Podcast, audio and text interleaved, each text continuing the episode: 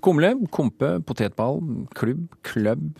Det er altså raspete poteter med mel kokt i kraft og har eh, mange navn. Og jeg nevnte nå, hvor mange var det? Fem? Kanskje hundre? Journalist Kjartan Brygger Bjånesøy har skrevet raspeballens historie i boken Kumlelandet. Ei reise i raspeballens kokevann. Velkommen til eh, Kulturnytt, eh, Kjartan Brygge Bjånesøy. Tusen takk. Kumlens biografi, den så jeg ikke helt komme. Nei, det jo ikke jeg heller. Men uh, helt til jeg lå i en morfinrus etter en operasjon i venstre kne. Ja, du måtte være noe sånt. Nei, men der lå jeg og tenkte, ble veldig sentimental og tenkte på hva som var viktig i livet mitt. Og jeg sendte en rekke sånn tekstmeldinger til venner, venner, venner, og familie. Og så tenkte jeg det er på tide å ta noen grep. Jeg nærmer meg 40 år, jeg må gjøre noe viktig i livet mitt. Og da fikk jeg det der jeg valgte å kalle det for et kumlekall. Et kumlekall. Et kumlekall. Ja. Så da skal vi ta på alvor. Ja. Så da ble det denne boka. Hva er det med pappa og kumle, sier sønnen din i i boka her. Ja, og han lurer i hvert fall nå. ja. ja. Men, ja, vi, kan kanskje komme tilbake til det på slutten. Eh, men eh, i jobben med denne boken, hvor mange kumler, komper, potetballer eller klubber har du spist egentlig? Nei, det har blitt, Jeg må innrømme at det har blitt litt i overkant. Det det. Og det er jo ikke lav lavkarbokur jeg har vært på det siste året. Nei. Nei, For du har reist eh, mer eller mindre langs E39, ikke sant? Ja, jeg har jo, Kumleland har jeg nesten definert som eh, det er primært E39, som går fra ja. Trondheim ned til Kristiansand.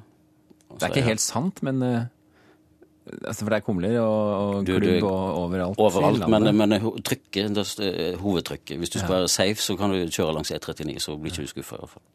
Og der dukker, dukker, det kumler opp på de rareste steder? har jeg På de rareste plasser. altså det er Hver by og bygd og nabolag og familie har jo ulike navn og ulikt tilbehør. Så, er det noe man krangler om dette? Jeg velger å tro at vi i Kumli-familien står godt samla. Sånn, og så kan vi være litt uenige på, sånn, på smak og tilbehør, men det, vi er veldig i slekt med hverandre. Så når du er i Trøndelag og får klubb med dopp Med duppe? Ja, hva gjør du da?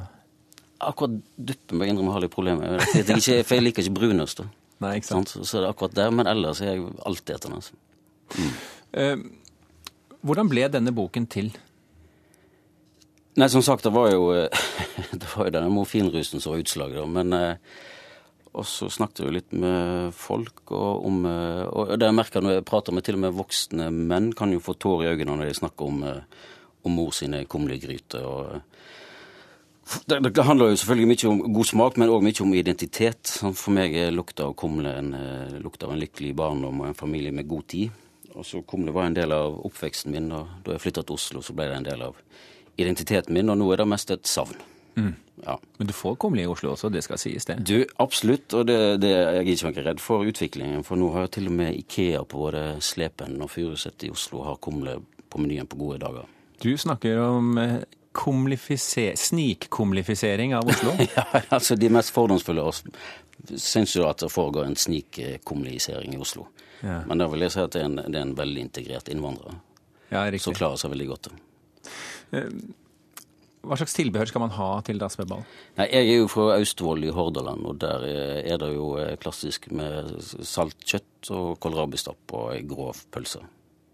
Og sånn er det overalt, eller hva har de andre? Nei, her er masse variasjoner. Eksempel i eh, på Sørlandet så er det kompe, og der blir det ofte bare servert med noe søtt til, som sukker eller tyttebærsyltetøy. Så det her, her, er en rekke ulike, ulike måter. Men, men, det er jo ikke lenger noe fattigmannskost, men det må det jo ha vært en gang i tiden? Du, det var jo da, Litt av grunnen at jeg har kalt det for Kumleland, er jo fordi at ordet kumle det er jo det som opprinnelsen. Det var mjølboller. Og her har jeg fått uh, god hjelp av hedersmannen Henry Notaker, så jeg er sikkert den i Norge som kan mest om mathistorie. Men uh, ordet kumle dukker første gang opp i norsk skriftspråk i 1647 i ei.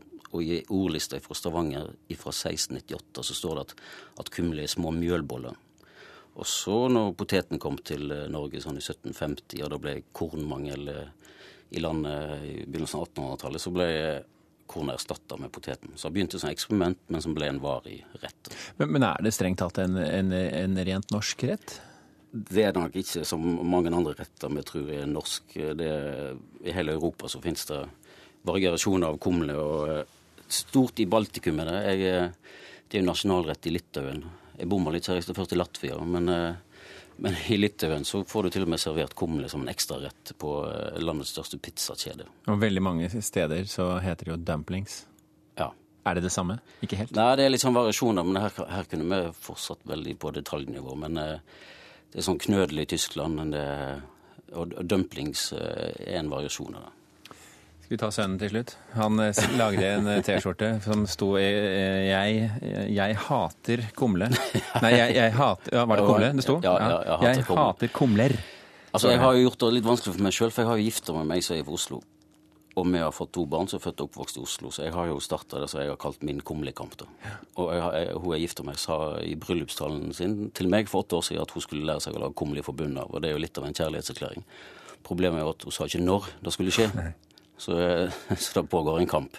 Men akkurat det med sønnen min sin T-skjorte var at eh, det var på slutten av det her prosjektet, og de begynte å bli kraftig lei det her kumlemaset mitt. Og så til alt hell så var eh, påskeferien vår avlyst, og så fant jeg ut at i Drøbak så har de en egen kumlegård som serverer kumle hver torsdag og har ofte kumlebuffé.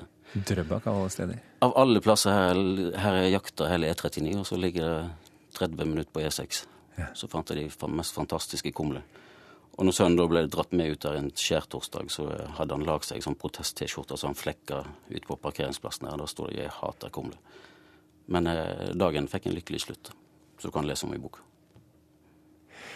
Tusen hjertelig takk, Kjartan Brygge Bjånesøy, for at du kom til Kulturnytt og snakket varmt om eh, kumler.